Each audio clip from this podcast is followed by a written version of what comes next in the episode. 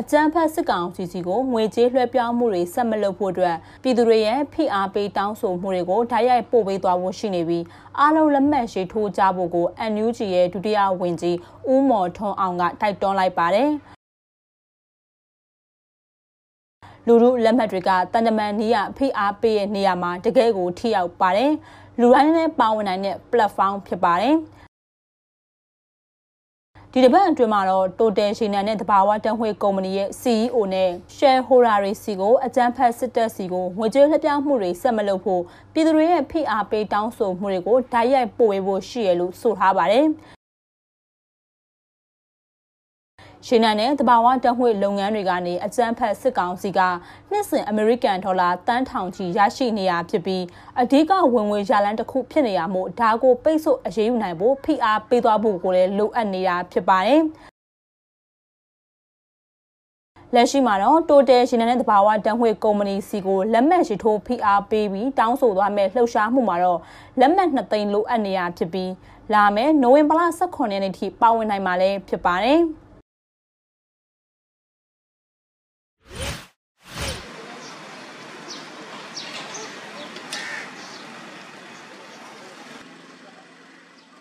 အမျိုးသားညီညွတ်ရေးအစိုးရ NUG အနေနဲ့တက္ကသိုလ်ဝန်ထမ်းဖြည့်ဆို့မဲ့အကြောင်းသားအကြောင်းသူတွေအတွက်လက်လန်းမီပါဝင်ဖြစ်ထွန်းနိုင်မဲ့အစီအစဉ်တွေကိုစီစဉ်ဆောင်ရွက်နေပြီးစစ်ကောင်စီရဲ့ပညာရေးဝန်ကြီးဌာနကပြုလုပ်မဲ့တက္ကသိုလ်ဝန်ထမ်းစာမေးပွဲရလဒ်တွေကို Federal ပညာရေးစနစ်နဲ့အကောင့်ထဲပေါ်မဲ့တက္ကသိုလ်ကောလိပ်နဲ့ကျောင်းတွေမှာအသိမှတ်ပြုလက်ခံမှာမဟုတ်ဘူးလို့နိုဝင်ဘာလ15ရက်နေ့မှာ NUG ကထုတ်ပြန်ကြေညာလိုက်ပါတယ်။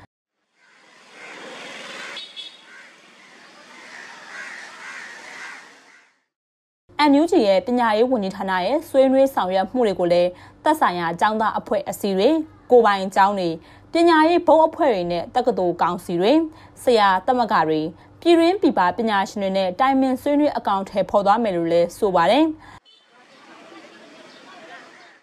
လက်ရှိမှာတော့စစ်ကောင်စီအနေနဲ့လာမဲ့တက္ကသိုလ်ဝန်ထမ်းစာမွေးဝဲမှာဖြည့်ဆို့ဖို့စရင်မပေးသွင်းတဲ့ကျောင်းသူကျောင်းသားတွေကိုနောက်နှစ်မှာစာမွေးဝဲဖြည့်ဆို့ခွင့်မပြုတ်ဘူးဆိုတဲ့သတင်းတွေကလည်းထွက်ပေါ်နေပြီးဒါတွေကိုလည်းစိုးရိမ်ဖို့မလိုဘူးလို့ NUG ရဲ့ထုတ်ပြန်ချက်ထဲမှာဖော်ပြထားပါတယ်။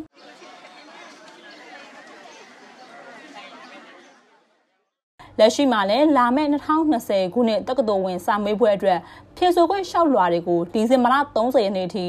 နောက်ဆုံးထုတ်ထားရမယ်ဆိုပြီးစစ်ကောင်စီလက်အောက်ခံပညာရေးဝန်ကြီးဌာနကထုတ်ပြန်ထားတာလည်းဖြစ်ပါတယ်။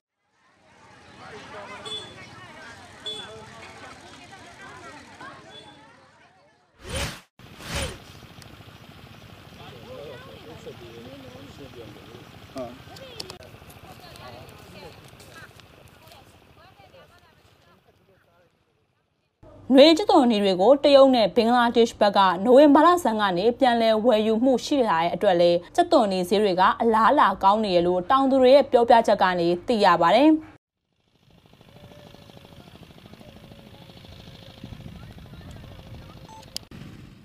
လက်ရှိမှာတော့လာဇန်ကနေစပြီးပြန်လဲဝယ်ယူနေရဖြစ်ပြီးတရုတ်ဘက်ကနေပုံမှန်အတိုင်းပြန်လဲဝယ်ယူနေရလို့သိရပါတယ်။ဘင်္ဂလားဘက်ကကြက်သွန်ဂျွန်ရောအာစီရောကိုအဝယ်လိုက်လာပြီး အခုတော့ဈေးတွေက300ကနေ350ထိပေါက်ဈေးရှိနေရလို့သိရပါတယ်။ကျက်သွန်နီကိုတော့2018-2019ဘဏ္ဍာနှစ်မှာတန်ချိန်ပေါင်း8000ကျော်ထိတင်ပို့နိုင်ခဲ့တာဖြစ်ပြီးအမေရိကန်ဒေါ်လာတန်း20ထိရရှိခဲ့တာပါ2019-2020ဘဏ္ဍာနှစ်မှာတော့တန်ချိန်ပေါင်း73သိန်းကျော်ထိတင်ပို့နိုင်ခဲ့ပြီးအမေရိကန်ဒေါ်လာ51တန်းကျော်ထိဝင်ငွေရရှိခဲ့ရလဲဖြစ်ပါတယ် ပတ်သက်ရှိတယ်ဆိုအကြောင်းမဟုတ်ဘူးပတ်သက်ရှိတယ်ဆိုဘယ်ချိန်လက်ရှိမှာတော့မန္တလေးတိုင်းမြင်းချံခရိုင်မကွေးတိုင်းပခုတ်ကူခရိုင်စိတ်ဖြူနဲ့စကိုင်းတိုင်းမုံရွာခရိုင်တို့ကအဓိကစက်သွန်တွေကထွက်ရှိနေရပါကြောက်စဲမြစ်သားနယ်ဘက်ကလည်းဒီဇင်ဘာလအကုန်မှာစက်သွန်တွေကတဖြတ်ထွက်ရှိအောင်မယ်လို့သိရပါတယ်။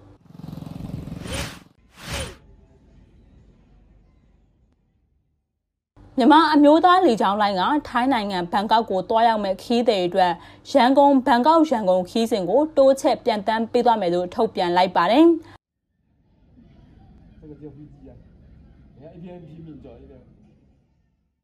လာမယ့်နိုဝင်ဘာလ26ရက်နေ့မှာရန်ကုန်ဘန်ကောက်ရန်ကုန်ခီးစဉ်တွေကိုထပ်ပြီးပြန်လာမယ်လို့ဆိုပါတယ်။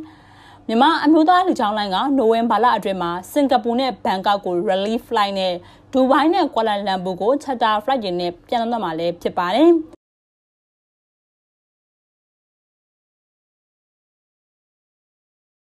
2021ခုနှစ်နိုဝင်ဘာလအတွင်းမှာစင်ကာပူနဲ့ဘန်ကောက်ကို relief flight တွေပြန်တမ်းမှာဖြစ်ပြီးရန်ကုန်ကွာလာလမ်ပူခီးစဉ်တွေကိုတော့ charter flight ခီးစဉ်တွေပြန်တမ်းမှာကိုလည်းထုတ်ပြန်ထားတာပါ။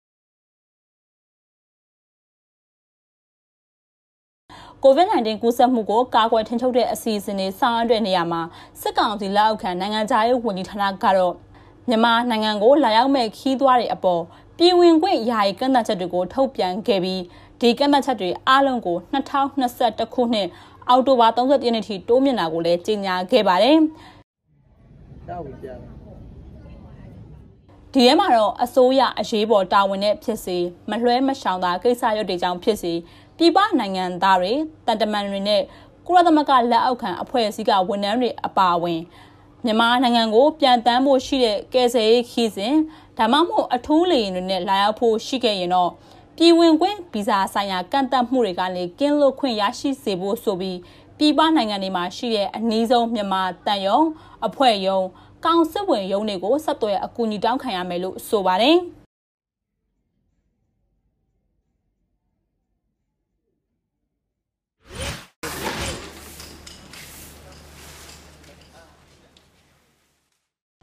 ပြီးခဲ့တဲ့အော်တိုဘာလအတွင်းမှာပြည်ပနိုင်ငံတွေထံကနေစံနဲ့ဇကွဲပမာဏတန်ချိန်2.3သိန်းကျော်တင်ပို့နိုင်ခဲ့တယ်လို့မြန်မာနိုင်ငံစစပါအသင်းချုပ် MRF ထုတ်ပြန်ချက်ထဲမှာဖော်ပြထားပါတယ်။ကုမ္ပဏီ32ခုကပင်လယ်ချောင်းကုန်သွယ်မှုကနေတဆင့်ပြည်ပနိုင်ငံတွေကနေကုန်သွယ်မှုမိတ်ဖက်တွေထံကိုစံတန်ချိန်2သိန်းကျော်တင်ပို့နိုင်ခဲ့တာဖြစ်ပြီး နယ်စပ်ကုန်သွယ်ရေးစခန်းတွေကနေအိမ်နီးချင်းနိုင်ငံတွေစီကိုတော့တန်ချိန်4000ကျော်ပဲတင်ပို့နိုင်ခဲ့တယ်လို့ဆိုပါတယ်။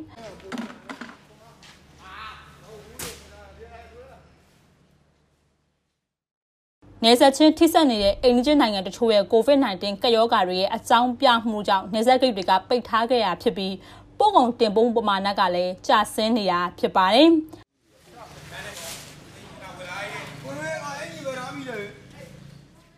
အော်တိုဘာလအတွင်းမှာတော့ပြည်ပကိုတင်ပို့တဲ့ဇကွဲအမျိုးအစားတွေရဲ့ဈေးနှုန်းနဲ့အရေးသွေးပေါ်မူတည်ပြီးမက်ထရစ်တန်ကိုအမေရိကန်ဒေါ်လာ315ကနေ350ထိပေါက်ဈေးရရှိခဲ့တယ်လို့သိရပါတယ်။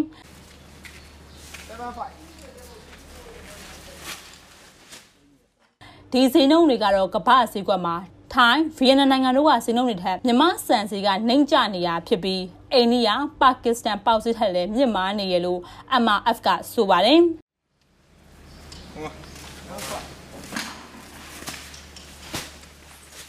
ပြီးခဲ့တဲ့2019-2020ဘဏ္ဍာနှစ်မှာတော့မြန်မာနိုင်ငံကနေပြည်ပနိုင်ငံတွေစီကိုတော့စံနဲ့ဇကွဲတန်ချိန်1.5တန်းတင်ပို့နိုင်ခဲ့တာဖြစ်ပြီး